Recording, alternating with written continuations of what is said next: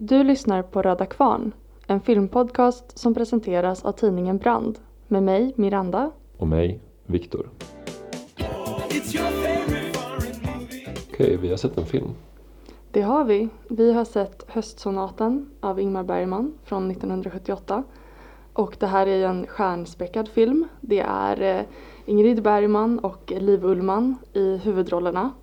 Eh, och eh, Lena Nyman gör, gör en till roll. Och Mm. vi har också Erland Josefsson i en väldigt eh, liten roll. Ja, Gunnar Björnstrand och det är liksom lite who's who av svenska 70-tals skådisar. Det är också enda, enda Ingrid Bergman-filmen av Ingmar Bergman. Jaha, är det? Mm. Mm. Det här är ju en eh, av Bergmans senaste filmer, sista filmer. Eh, den sista som gick upp på bio tror jag till och med. Sen gjorde han liksom tv-filmer efteråt.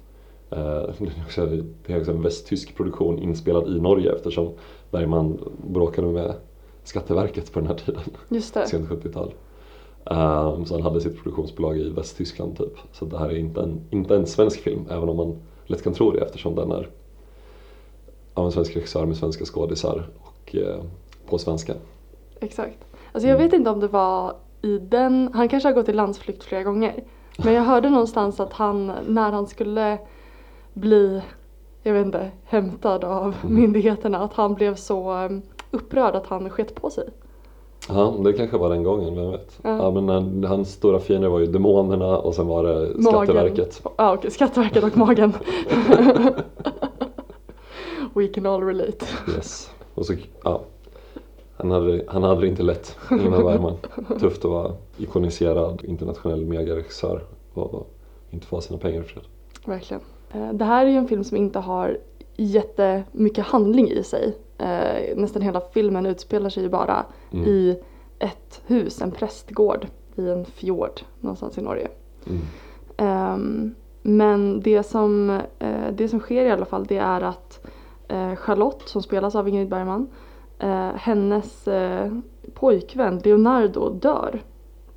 Och Eva, hennes dotter som spelas av Liv Ullmann, får reda på detta och skriver ett brev till sin mor och eh, bjuder in henne att eh, ja, stanna några, några dagar eller några veckor som hon Mm. själv behagar eh, i den här prästgården då som hon bor i tillsammans med Viktor, hennes man, eh, som spelas av Halvar Björk. Och man förstår också att de har inte sett varandra på, väldigt länge. Det här Sju, är sju år är sju år. Mm. Eh, så det här är ett väldigt eh, laddat, laddat möte. Mm. Väldigt laddat. Väldigt laddat. Kan inte nog understryka hur laddat. Eh, Charlotte reser dit. ehm, och eh, ja, det är då Ing- Ingrid Bergman som är så fruktansvärt glamorös. Alltså man, man märker ju att hon är en Hollywoodskådis. Mm. Och det passar också den här rollen ganska bra. Hon har ett eh, flärdfullt sätt kan man säga. Eh, som ehm, eh, också blir en, eh, lite av en eh, kontrast mot det här ganska sobra livet på prästgården. Men Charlotte kommer i alla fall dit och eh, då berättar Eva att eh, hon har tagit dit sin syster Helena som spelas av Lena Nyman. Och Helena är sjuk Mm. och vi vet inte riktigt vad som är, ja, vad det är för sjukdom. Ehm, om det är något MS-liknande. Men hon är i alla fall ja, kroniskt sjuk vad det verkar och ehm, kraftigt rörelsehindrad, har knappt något tal. Eh, men verkar ju vara vid, vid medvetande Mm. i alla fall. Precis. Um, och när Charlotte får reda på detta så blir hon, ja det, hon visste ju inte det. Hon trodde att eh, hennes dotter fortfarande bodde på ett kronikerhem där hon hade lämnat henne för många år sedan. Men Eva då, hennes dotter, har alltså eh, hämtat hem sin syster hem till sig. Eh, och när Charlotte får reda på detta så blir hon ju väldigt ställd och eh, ja, hon är ju inte, hon är inte glad över detta. Man märker att det, det här blir riktigt, riktigt jobbigt för henne. Men hon går i alla fall med på att gå in och hälsa på Helena som ligger där i sin sjuksäng. Den här filmen eh, består ju också av ganska många långa monologer så att det, det kanske är, eh, det, det, finns, det finns mer handling att dra men de, de rör sig mellan de här rummen eh, och turas om om att hålla sina ganska teatraliska eh, monologer eh, där vi får veta mer och mer om deras historia eh, tillsammans, ja, Helena och eh, Evas barndom men även Charlottes barndom. Ja, allt, som, allt som smärtar dem därifrån. Mm. Eh, och ja, det hela slutar ju med en, eh, en sammandrabbning mellan, eh, mellan Helena, nej mellan Eva och Charlotte. Ehm, Helena är också med på ett hörn. Helena är också med på ett hörn, mm. eller på en övervåning. Ja, på ett golv. Ja, hon vill vara med. Hon försöker. Ja. Mm. Um, men någonting annat som vi får veta det är ju att uh, Eva och uh, Viktor, de har fått ett barn tillsammans. Det här barnet uh, har dött, har drunknat vid fyra års ålder. Um, de lever det här stilla livet på, mm. på prästgården ganska ensamma. Och Eva bär ju på extremt mycket smärta både från att ha förlorat sitt barn men också mm från sin barndom och att aldrig ha fått vara nära sin mamma. Eh, mm. Aldrig fått kärlek från sin mamma. Mm. Och det är det här som hon då konfronterar henne med när hon kommer till prästgården. Men vad handlar filmen om egentligen? Det är en, eh, en spännande fråga. En film med, med många bottnar. Uh, ja men på riktigt det är verkligen en, en film med många bottnar. Ja. Det här är en film som, som äh, är väl från en, en period i Bergmans filmskapande som var väldigt just så familj och relationsorienterat. Alltså han gör ju väldigt många, vad ska man säga, um, filmer om liksom tro och tvivel. Eh, och mycket sådana teman liksom, tidigt i, i sin karriär mer. Liksom. Alltså, det sjunde inseglet och senare också den här tro och tvivel-trilogin han gjorde och sådär. Men han gör väl en resa liksom via de här lite mer experimentella filmerna, typ Persona, mot liksom det här 70-talets eh, socialrealistiska men samtidigt väldigt teatrala eh, vardagsdraman i relationer och familjer. Eh, senare ett äktenskap är väl kanske den mest kända och sedda. Men höstsonaten är ju verkligen right up there också. Mm. Lite i, i, den, i den kategorin. Och det är ju verkligen det den här filmen handlar om. Det här liksom visar en, en eh, liksom borgerlig, eller ja, beroende på om man lägger det ordet, men, men kulturellt borgerlig kärnfamilj. Eh, två generationer som har liksom alla, all den själsnöd som väl Bergman ser i den sociala konstellationen. Mm. Eller vad man ska säga. Och som man utforskar i den här filmen. Bergman är ju en person som själv, vet vi ju, hade liksom, vad ska man säga? Komplicerade relationer. ja, det är ett sätt att säga det på. Han verkar ju varit ett riktigt svin mot eh, alla som var nära honom. Mm. Eh, I alla fall alla som inte var hans typ manliga vänner. Eh, men även de en hel del liksom, mm. Eh, verkar det ju som. Han verkar ju varit riktigt så. Men många av hans filmer, om man vet det, kan man ju ana ett stort mått av självrannsakan och, och eh, liksom undersökande av allt, allt det han själv misslyckas med i ja, sitt verkliga liv. Precis, alltså man får ju känslan av en, en man som här, kanske hatar kvinnor men hatar sig själv mer. Ja. Och därför kan se ganska en väldigt klar blick på de här relationerna också. Precis, på något sätt så kan han ju göra det i de här filmerna. Han, förmådde ju uppenbarligen, liksom, vet vi, ja. inte Nej. agera på det i, sitt, i sin vardag, liksom, i sitt eget liv. Och på det sättet eh, är han ju väldigt lik Charlotte och Eva. Som är verkligen, och Viktor för den delen också i den här filmen. Han är ju lik alla i den här filmen på det mm, sättet. Mm. Eh, det är en ganska dyster blick på mellanmänskliga relationer och liksom just familjerelationer. Man kan ju säga att det är liksom en eh, vet, det finns inte riktigt en tydlig samhällskritik eh, formulerad i filmen. Men mellan raderna så kan vi verkligen se den här filmen som en, en frontal attack på den patriarkala kärnfamiljen. Men ett tema som är ju extremt centralt. Det är ju förälder-barn-relationer. Mm. Mor, liksom, mor och dotter eller Mm. mor och döttrar. Ehm, och eh, ja, hur, de, hur, de kämpar, hur de kämpar med det helt enkelt. Eh, det här är ju eh, det här är ju människor som inte de vill vara nära varandra men de förstår ju inte varandra. Nej. Eh, och det här illustreras i början av, eh, av filmen tycker jag på ett väldigt effektfullt sätt. När Charlotte ska klä sig till middagen. Hon ska byta om efter sin långa resa. Hon har varit i Zürich. Eh, och har nu, har nu ehm, ja, rest långt i sin Mercedes till den här lilla prästgården i Norge.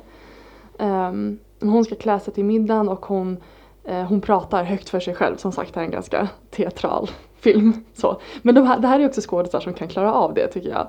Eh, de, de bär ju verkligen upp den stilen. Man får ju lite känslan att Charlotte är den typen av person Som som skulle talar kunna. högt teatralt för sig Ja. själv. Det är sant. Medan Eva har ju fått eh, sin tysta man, Viktor, att eh, prata med, prata högt till kan man säga. Mm. Men eh, hon, eh, Charlotte säger då i alla fall att ah, nu, nu vill Eva att jag ska eh, vara den här sörjande, sörjande stackars kvinnan och klä mig, eh, klä mig därefter eh, på något modest sätt. Men eh, hon ska få se, hon ska liksom trotsa sin dotter där och ta fram en, en röd långklänning som hon har fått från något fint modehus. Eh, och medans hon har den här, ja, eller ja, i, klipp till Eva då som pratar med Viktor eh, och säger att ah, nu ska vi få se här hur min mamma kommer spela den, den sörjande, ensamma, lämnade kvinnan och ta på sig något, eh, ta på sig något modest så att vi alla kan, kan se hennes smärta. Eh, så att de, de vill liksom utmana varandra, de vill, vara trot, de är trotsiga mot varandra men de förstår inte varandra. Nej, inte alls. De förstår verkligen inte alls varandra och det här är ju verkligen en film där eh, ingen riktigt förstår någon. Eh, den, Inte ens sig själva. Nej, i synnerhet inte sig själva. Eh, och det pratar ju eh, båda de här karaktärerna om. Alltså filmen inleds ju med att, att Viktor eh, talar med oss tittare eh, och beskriver lite liksom si, sin syn på Eva då, sin hustru och hur de först träffades och, och sådär. Det visar sig vara ett väldigt random äktenskap. Mm. Där han bara lite på slump frågade henne om hon vill gifta sig med honom. Eh, och hon, när hon kom till prästgården sa att här vill jag vara. Men han läser också lite ur en bok hon har skrivit när hon varit yngre. Innan de träffades. Där hon skriver så här att jag, jag rör mig utan riktning eftersom jag inte känner mig själv. Mm. Jag lever utan riktning. Mm. Eh, att liksom, hur, hur lever man? Ungefär. Eh, och det är ju verkligen väldigt påtagligt i den här filmen att, att hon ju, är väldigt entusiastisk över det här brevet till sin mamma när hon ska skicka det. Vilket vi får se då innan hon kommer. Eh, Charlotte då, Ingrid Bergmans karaktär. Men hon är ju hela tiden ute efter den här konfrontationen. Hon har ju liksom ingen koll på vad hon själv vill med det här. Vad är det hon hoppas på? Mm. Det är ju liksom Hennes glädje är ju väldigt forcerad med, det är otroligt Väldigt. spänt. på ett liksom så väldigt barnsligt sätt och hon är ju en väldigt barnslig karaktär. Hon frågar Viktor på vid ett tillfälle så här, "Um, tycker du att jag är barnslig ungefär? Mm. Ehm, och hon är ju verkligen jättebarnslig. Hon klär Mm. sig barnsligt, hon har barnslig frisyr, hon har ett barnsligt minspel. Ehm, hon är ju verkligen, hon har ju aldrig blivit vuxen. Vilket ju också är ett tema. Människor som de frågar varandra, har jag blivit vuxen? Vad är Ja. det att vara vuxen? Att växa upp? Precis, Charlotte säger ju samma sak i, i en av sina monologer att jag har aldrig, jag har aldrig blivit vuxen. Nej, Eh, Och det har hon ju verkligen inte. Men de har blivit det på varsitt eh, väldigt olikt sätt. Visst. kan man säga. för att medan Eva, som du säger, är väldigt barnslig både i sitt inre och sitt yttre så är ju Charlotte väldigt kvinnlig. Alltså i bara sättet hon, hennes maner, hur hon för sig. Hon har makeup på sig, det, det är det ingen annan som har. Ehm, och hon är ju också väldigt, istället för att ha det här väldigt utåtagerande eh, känslolivet så är hon väldigt kontrollerad. Hon sörjer ju sin, sin pojkvän Leonardo men hon upprepar om och om igen att eh, nej det här, ska vi inte, det här ska vi inte gräva ner oss i. eh, nu måste jag rycka upp mig, oj oj oj nu börjar jag gråta, det ska jag inte göra. Eh, och, Hon är livrädd för sina egna känslor. ja gud ja. Mm. Och deras, ja, kontrasten mellan, mellan de två blir också väldigt tydlig när de ska spela piano för varandra eh, Mm. innan, innan middagen här på den första kvällen. De ska spela något Chopin-stycke. Och eh, Liv Ullman då, Eva, hon, hon, hon har det här stycket eh, liksom uppslaget då vid, vid pianot.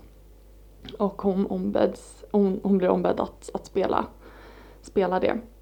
Eh, och hon spelar ju väldigt, vad ska man säga, eh, vi, vi får ju höra både henne och sen sin mamma Charlotte spela samma stycke. Och då blir det ju tydligt även för ett otränat pianoöga hur olika det här är. Att Eva, när Eva spelade så är det väldigt, eh, det är väldigt uttrycksfullt, det är väldigt mycket, ja men, det är väldigt mycket starka känslor. Hon, ehm, hon rör ju sin mamma till tårar när hon, medan hon spelar. Det går Charlotte- inte hem, det gillar inte Charlotte. Det gillar Hon vill inte inte bli Charlotte. rörd till tårar. Nej det vill hon verkligen inte. Så att Mm. när, ja, hon, när hon då ska visa hur man ska spela stycket eh, då är det inte som någon bölande kärring eh, eller vad hon nu säger. Utan då är det med återhållsamhet. Mm. Med den här Leonardos död eh, så blir det ju liksom tydligt för henne på något sätt vad hon saknar. Nämligen liksom ja, men en familj att finnas hos, liksom, lite nära relationer.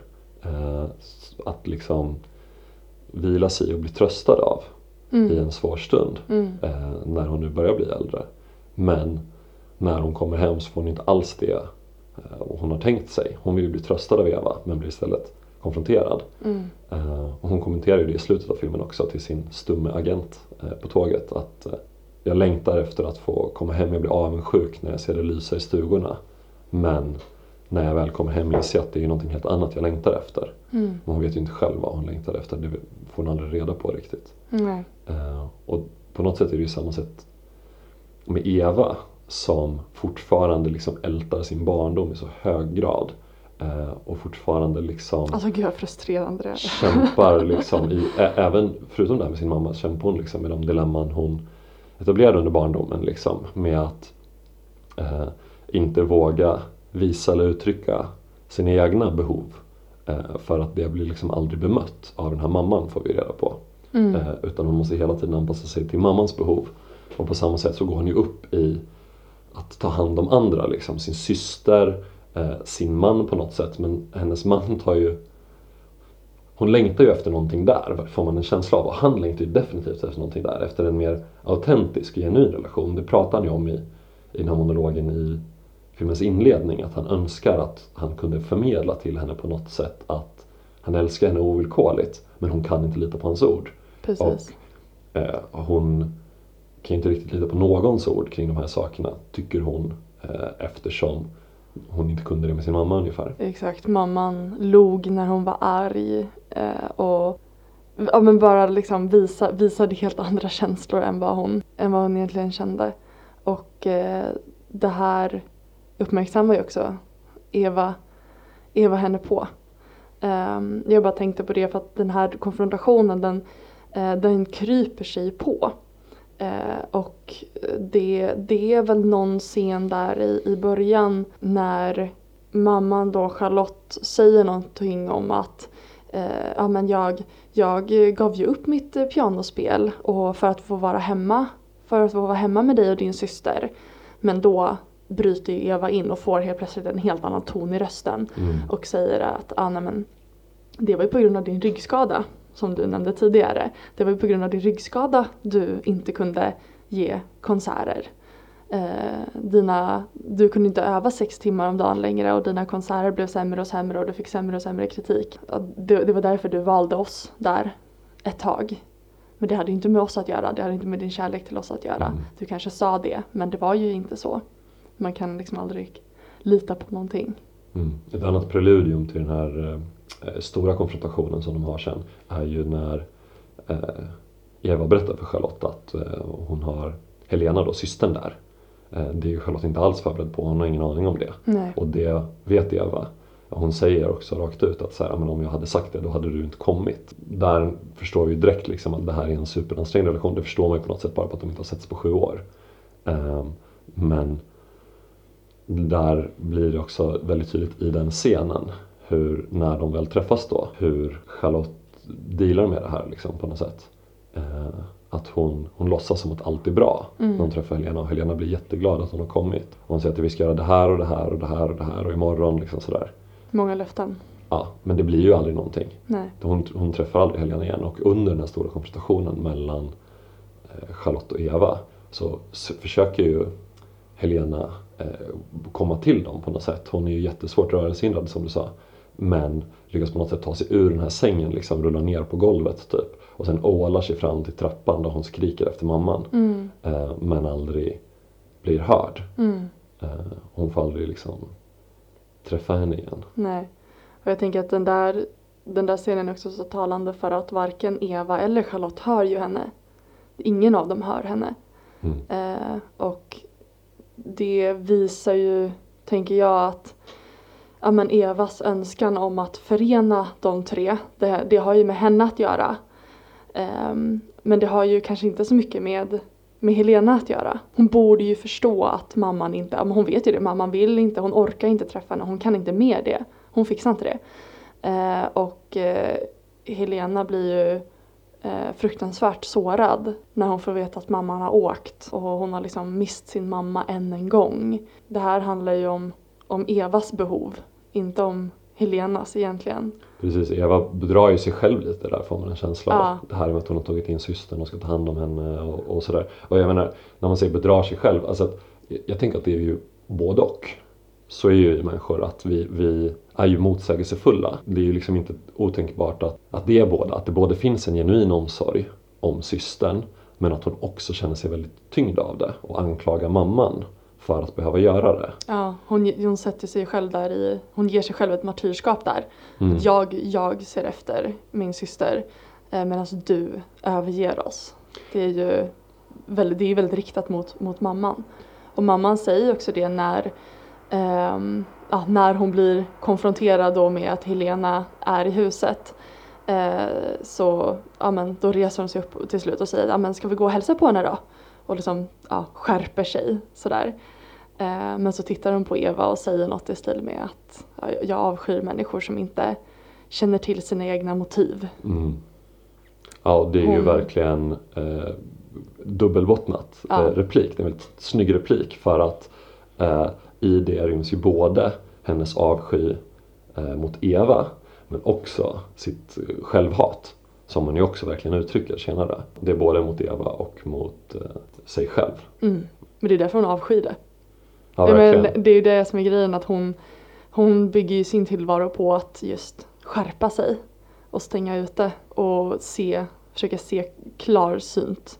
Men nej precis, hon, hon känner inte sina egna motiv heller.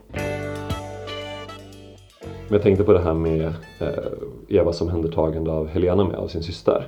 Eh, jag tänker att en annan sak som finns i det, det är ju det här att omsorgen om en annan som strategi ut ur eh, att inte känna sig själv, liksom, att inte ha något grepp om sin egen subjektivitet. Det här är ju ett, ett klassiskt psykoanalytiskt motiv. Mm. Precis som det mesta i den här filmen och precis som väldigt mycket i Bergman överhuvudtaget liksom, speciellt under den här perioden. Just i, i bristen på liksom en sammanhängande självuppfattning på något sätt. Det här liksom fragmenterade självet, eller jaget, vilken, vilken psykoanalytisk begreppsapparat Ta man nu vill använda sig av. Jag ska ta ställning. här. ställning. Självpsykologi eller jag-psykologi. Ja, ni får googla det där, eh, ni som undrar. Men eh, det här fragmenterade, en väg ut ur det är ju att liksom lägga sin subjektivitet hos någon annan, hos, hos ett objekt, liksom en, en, eh, en människa utanför sig själv. Mm. Eh, alltså i omsorgen om en annan. Och det är liksom om, om vi Masochistisk eh, position. Precis, en helt masochistisk position. Det, det här finns ju liksom feministiska psykoanalytiker som har utvecklat begreppsapparater och teorier kring.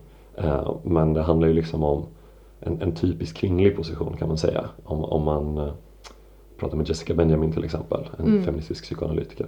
Och det här är ju något som hon har gjort genom hela livet och försöker hitta på olika sätt. Eh, hon gör ju det som barn med sin mamma eh, och sin pappa. Eh, men framförallt med mamman egentligen då liksom, eftersom mamman är den i familjen som går ut i världen då på Mm. något sätt och, och ter sig som den som handlar. Mm. Hon gör det ju senare med en annan partner får vi reda på, liksom någon, någon läkarstudent liksom, som hon eh, har gjort någon abort med när hon var väldigt ung, får vi också reda på. Eh, hon gör det sen med Viktor och framförallt kanske med deras barn. Det här barnet och omsorgen om det är ju på något sätt hennes väg ut. Men barnet dör. Och det här kan hon ju inte alls eh, komma till termer med. Hon kan liksom inte alls eh, sörja det här barnet. Men Hon säger det. Hon, eh, jag sörjde på ett ytligt plan. Men jag kunde inte riktigt sörja för jag kände att han var med mig. Och jag känner det fortfarande. Vilket ju, ja, hon, hon kan ju inte acceptera att, eh, att barnet är borta. Nej, hon är liksom fast i att liksom inte ha någon riktning själv Nej, eh, utan det här utan hittar hela tiden sin riktning genom att just det. fästa den i någon annan. Och så när den här personen försvinner då vet hon liksom inte alls vart hon ska ta vägen. Eh, men hon hittar ju en annan lösning på det sen genom att ta in systern. Tolkar jag det som. Ja, Att det är liksom, hon, hon eh, tar in henne efter att eh, sonen dör. ja, ja kanske. Jag menar hon, hon, hon har ju fortfarande sin fantasison liksom som hon kan bli verklig genom eller med. I slutet av filmen, ja, när, mamman, när mamman har åkt och hon är ja, övergiven igen så Mm. är det som att hon, vad säger man, liksom återkallar sonen igen och liksom stannar upp och säger något för sig själv om att ja, smeker du mig på kinden nu? Ja, det är någon hon kan återkalla liksom när det, när det blir tufft. Och Mm. någon som också kan, kan ta hand om henne. Och det här säger också någonting om att hennes eh, oförmåga till att bli vuxen, att hon, eh, hon återkallar det här minnet från barnet som tar hand om henne. Eh, hennes eget barn ska ta hand om henne och smeka henne på kinden när hon är ledsen. Ehm, Precis som precis- hon gjorde med sin mamma. Precis som hon gjorde med sin mamma och så precis som Charlotte eh, gör med henne. Ja. Att eh, hon när hon kryper ihop på golvet och vill, vill bli tröstad. Precis som Charlotte gör med sin agent i slutet med. När hon inte har fått det här från Eva, vilket är det hon, hon vill få. Eh, när hon kommer dit.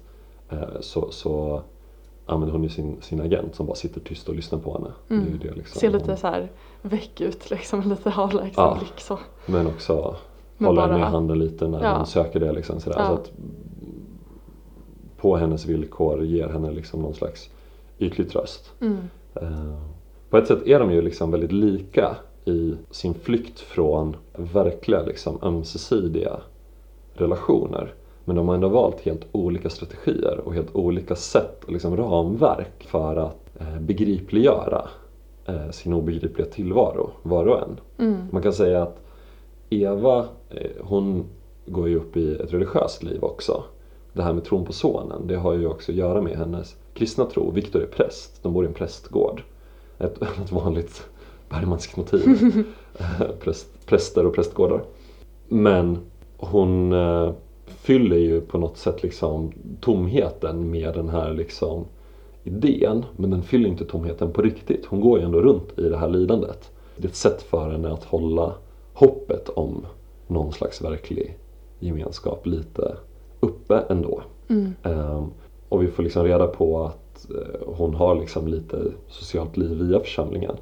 När, när hennes mamma då frågar henne i början, blir den inte hemskt isolerade här ute? De bor liksom mitt ute på vischan i ett supervackert norskt landskap. Och då säger de, nej men vi har ju församlingen och där typ spelar jag piano ibland eller orgel.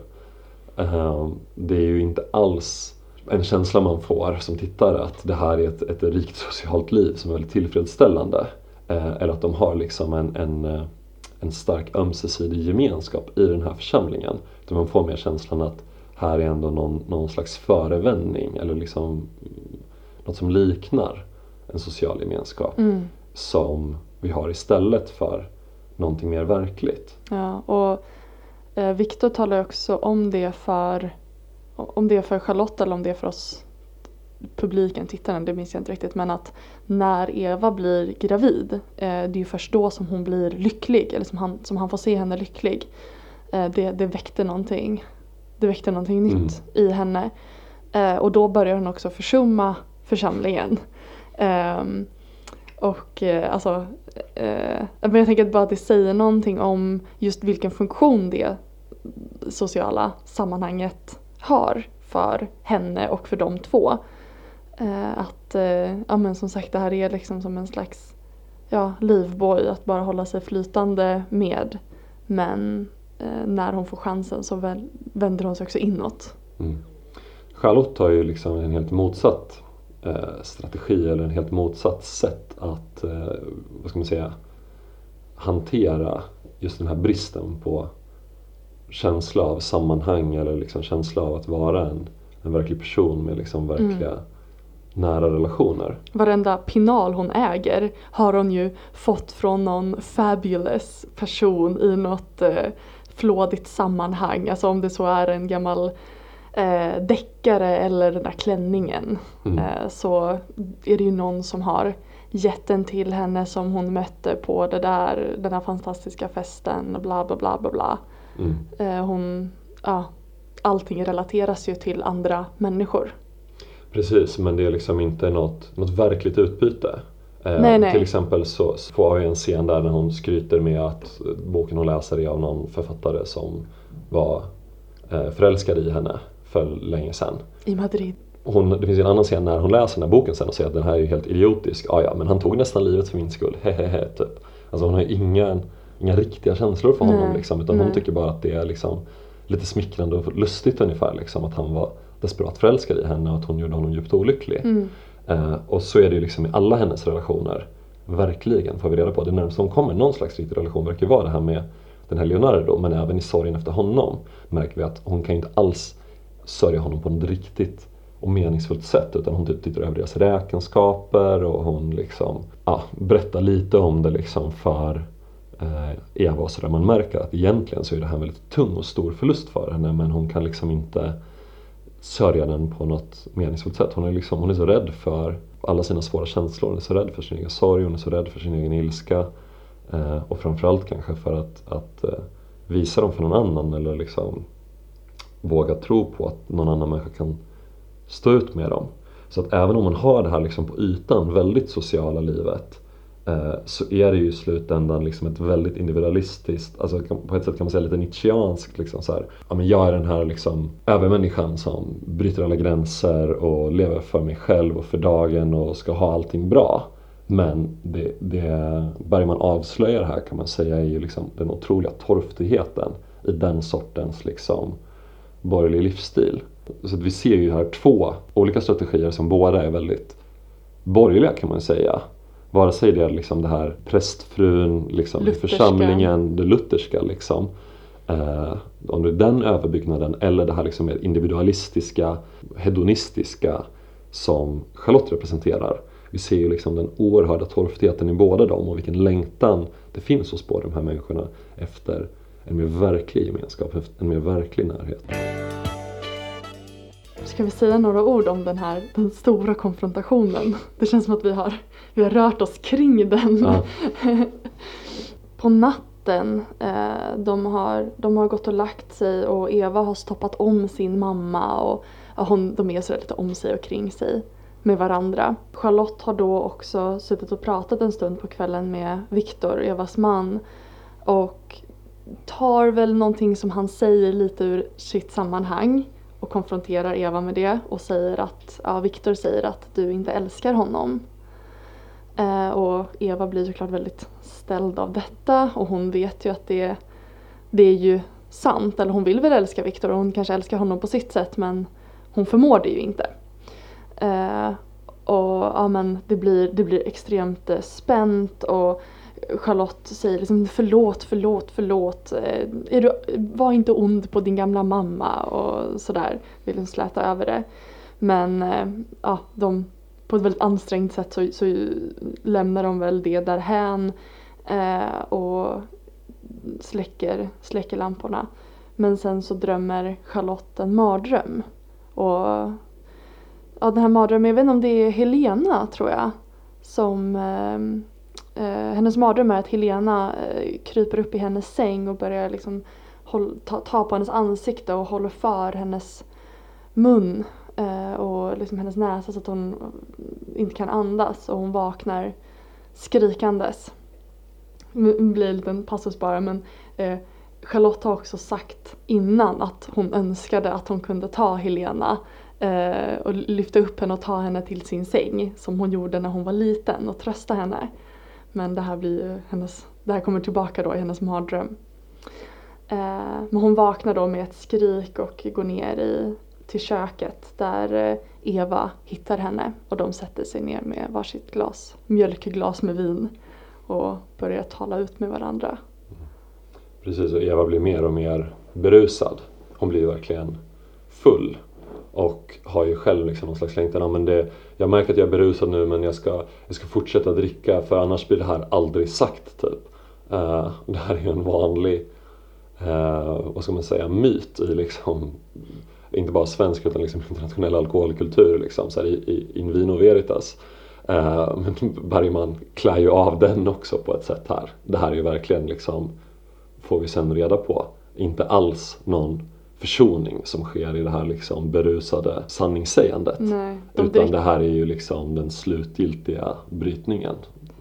Ja, och hon, eh, man får ju också väldigt mycket känslan av att, alltså hon har ju velat, hon har ju tagit upp de här sakerna under kvällens gång, alltså den här konfrontationen är ju på gång men att eh, precis, de dricker ju för att försöka hantera den här ångesten som den oundvikliga konfrontationen innebär. Det vi också får se här är ju hur illa det går när de båda tappar kontrollen.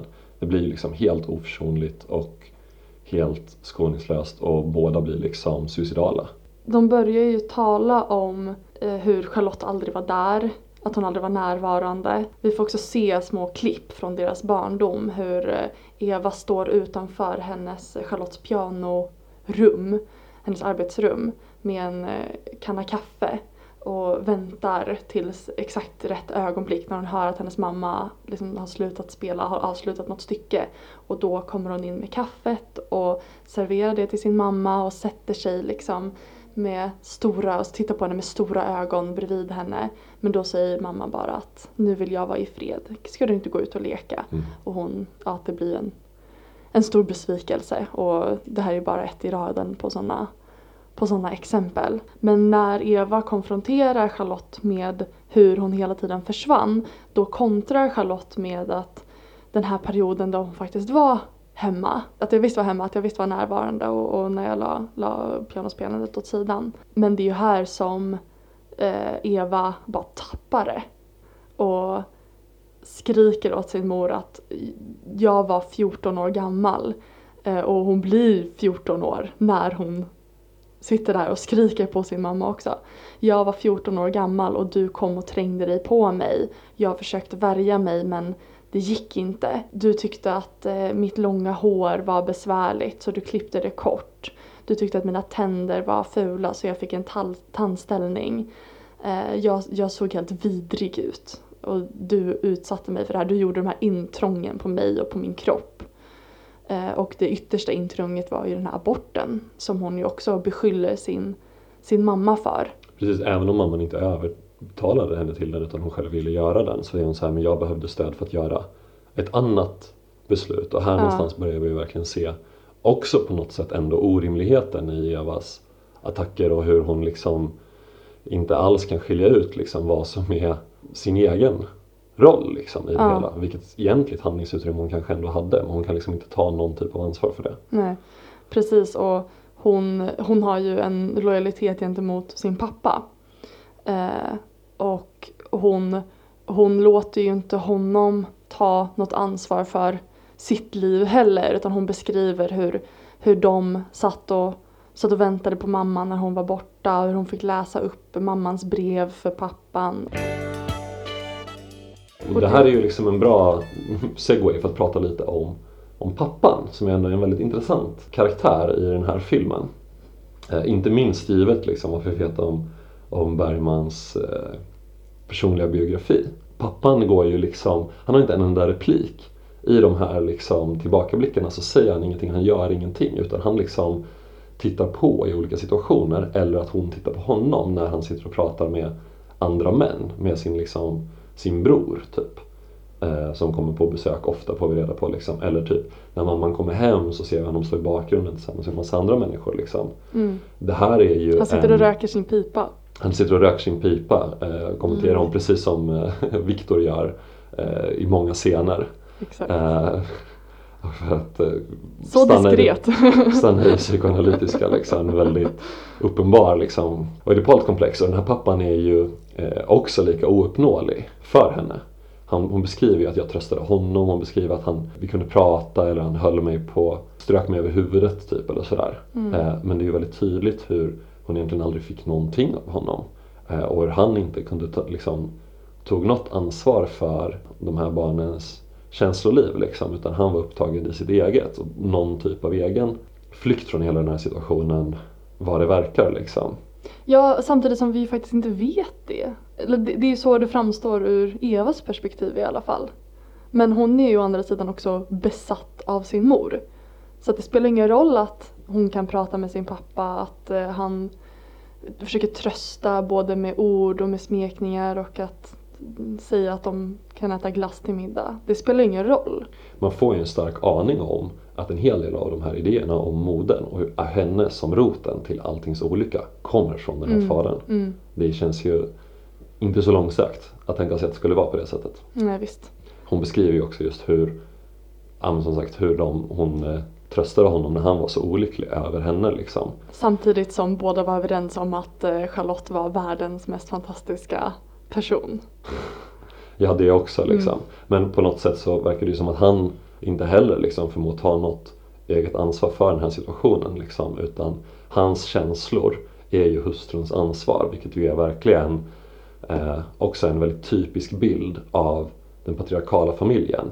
Där, som den, liksom, den personliga sfär där mannen hämtar liksom energi eh, liksom, eller tankar på ungefär Ja. liksom, med, med, för sitt känsloliv som tas om hand om av hustrun och, och döttrarna. Och i hustruns frånvaro så blir det då döttrarna och då är hustrun också den, den stora skurken liksom, för att Ja. hon ska leva sitt eget liv. Något som hon också blir beskylld för av andra män berättar hon. Mm. När hon är liksom ute och turnerar och sådär så blir hon ifrågasatt. Borde inte du ta hand om din man och dina barn?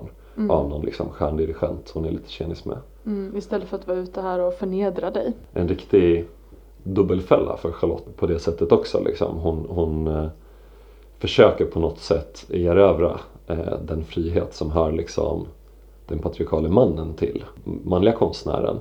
Eh, men hon kan inte få den fullt ut och hon kan heller liksom inte få det här hemma som de männen kanske, kanske ofta fick. Hon kunde få det när hon var ung. Alltså det är liksom en sån lucka i kvinnans liv när hon är där i tidiga 20-årsåldern. Eh, hon är liksom på höjden av sin talang eller liksom av förmåga där.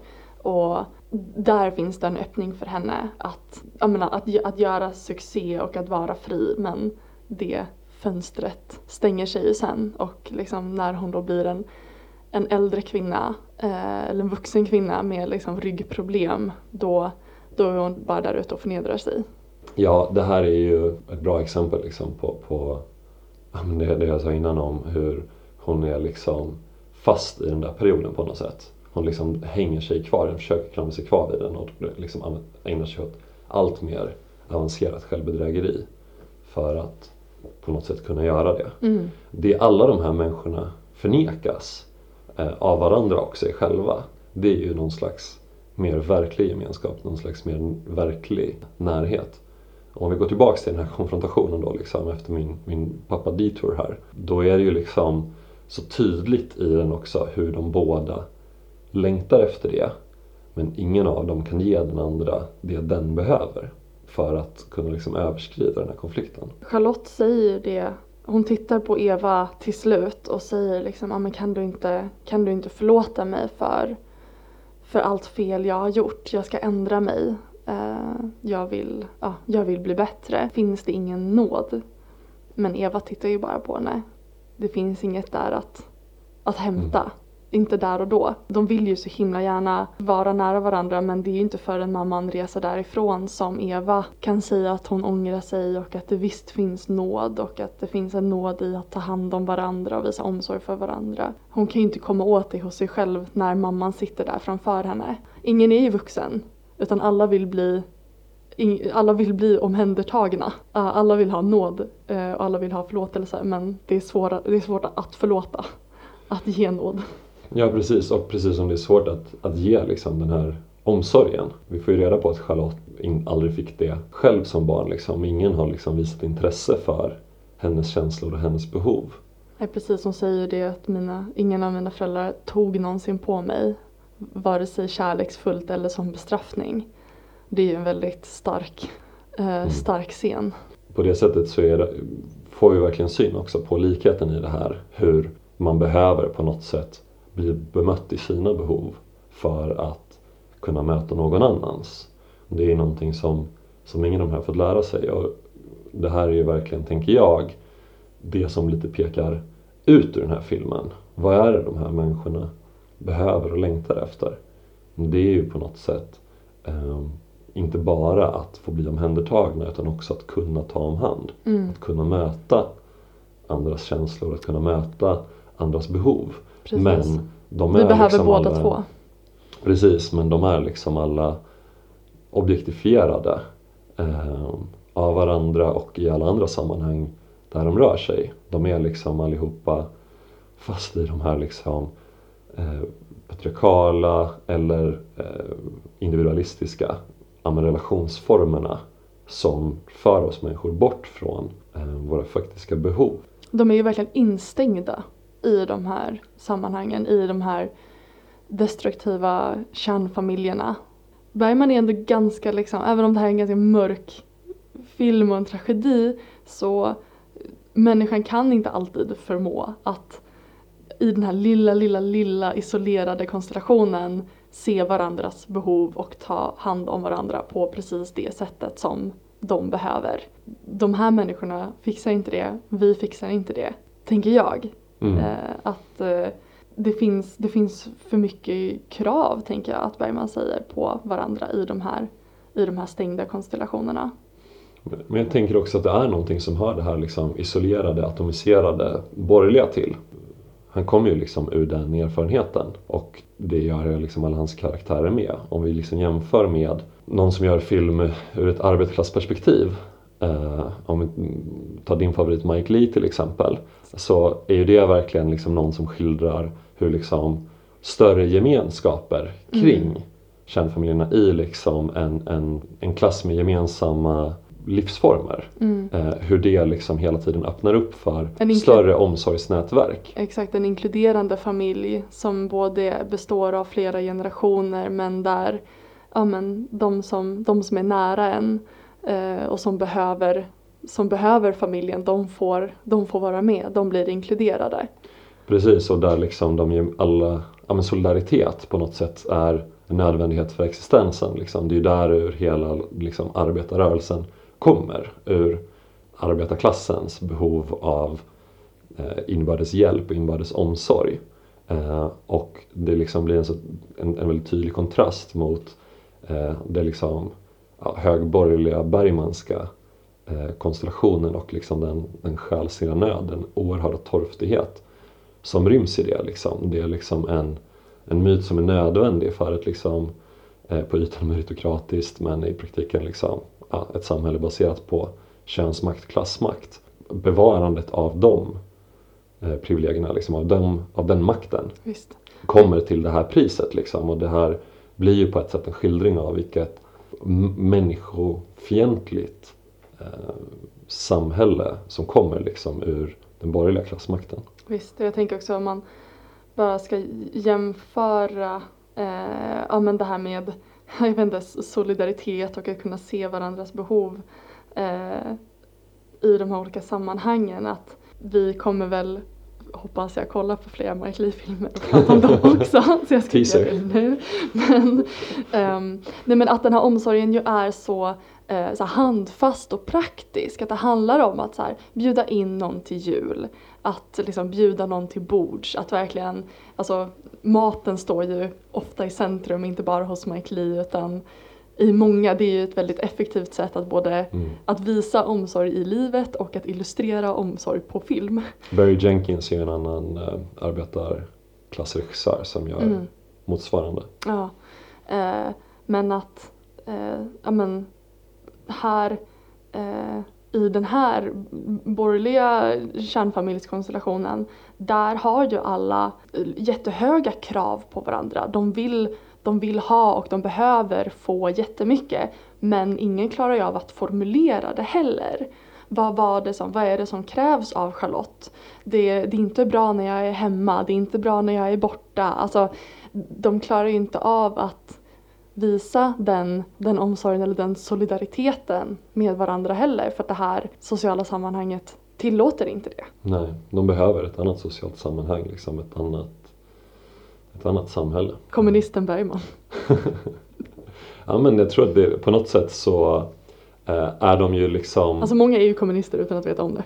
Jag tänker att Bergman är ju i många av sina filmer fast i ett dilemma, liksom ett olösligt dilemma mellan liksom eh, behov som inte kan bli mötta eh, och en vilja till eh, ett annat sätt att leva men en oförmåga att tro på det. Han, försök, han kämpar ju så mycket med den kristna tron tidigare, liksom, precis som ja, karaktärerna i den här filmen gör. Då, liksom. Bergman skulle liksom behövt ett socialt projekt liksom, att tro på eh, som faktiskt skulle kunna förändra några av de här sakerna. Problemet med Guds tystnad är ju att det, liksom, det, det löser inte de här dilemmana. Det är på det sättet som ett överskridande av liksom, de sociala relationerna kan göra. Det här var podcasten Röda Kvarn. Vi kommer att fortsätta kolla på film och spela in våra samtal om de filmerna. Tack för idag. Tack för idag.